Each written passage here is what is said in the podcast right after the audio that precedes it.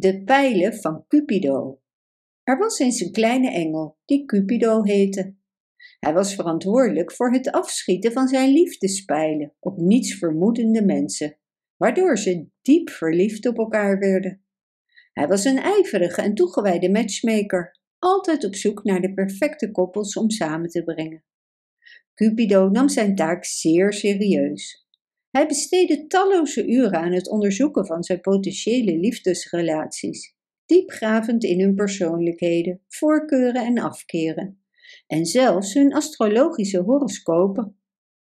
Op een dag kreeg Cupido de taak een match te vinden voor een jonge vrouw genaamd Julia.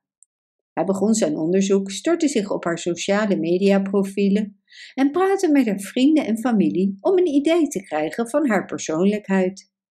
Terwijl hij dieper in zijn onderzoek dook, raakte Cupido er steeds meer van overtuigd dat Julia de perfecte match zou zijn voor een man genaamd Michael.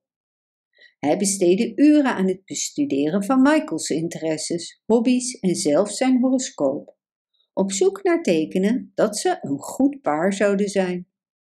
Eindelijk was Cupido klaar om zijn zet te doen. Hij vloog naar de aarde en begaf zich naar Julia's huis. Hallo Julia, zei Cupido. Ik heb wat onderzoek gedaan en ik geloof dat ik de perfecte match voor jou heb gevonden. Werkelijk? vroeg Julia geïntrigeerd. Wie is het? Zijn naam is Michael, zei Cupido. Ik heb uren besteed aan het onderzoeken van zijn interesses en hobby's en ik geloof dat jullie twee perfect samen zouden zijn. Julia was sceptisch. Maar hoe weet je dat we bij elkaar passen? We hebben elkaar nog nooit ontmoet. Cupido glimlachte. Ik heb jullie horoscopen bestudeerd en ik kan zien dat jullie allebei dezelfde interesses en complementaire persoonlijkheden hebben. Geloof me, Julia, dit is de perfecte match. Julia aarzelde, maar ze besloot het een kans te geven.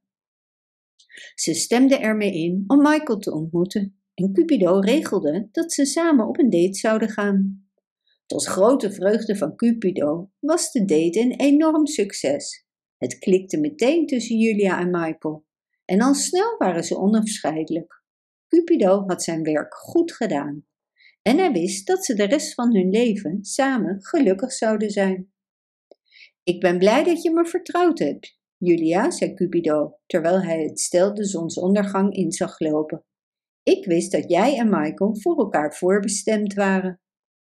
Cupido glimlachte, wetende dat hij zijn werk goed had gedaan. Hij had twee mensen bij elkaar gebracht die echt voorbestemd waren, en dat was het enige dat ertoe deed. Maar op een zekere Valentijnsdag werd Cupido erg moe wakker. Maar hij voelde zich wel speels. Hij besloot geen uitgebreid onderzoek te doen en gewoon een beetje plezier te hebben door zijn pijlen op de meest onwaarschijnlijke stellen te schieten. Eerst schoot hij een pijl op een knorrige oude man die nog nooit verliefd was geweest. Tot grote vreugde van Cupido viel de oude man al snel hals over kop voor zijn goedhartige verpleegster. Vervolgens schoot Cupido een pijl naar een jonge vrouw die de liefde helemaal had afgezworen. Maar zodra de pijl van Cupido haar raakte, merkte ze dat ze hopeloos verliefd was op haar beste vriend. Cupido bleef de hele dag zijn pijlen afschieten, wat allerlei romantische chaos veroorzaakte. Maar toen de zon onderging, realiseerde Cupido zich dat hoewel zijn pijlen misschien voor verwarring en verrassingen hadden gezorgd, ze ook veel mensen vreugde en liefde hadden gebracht.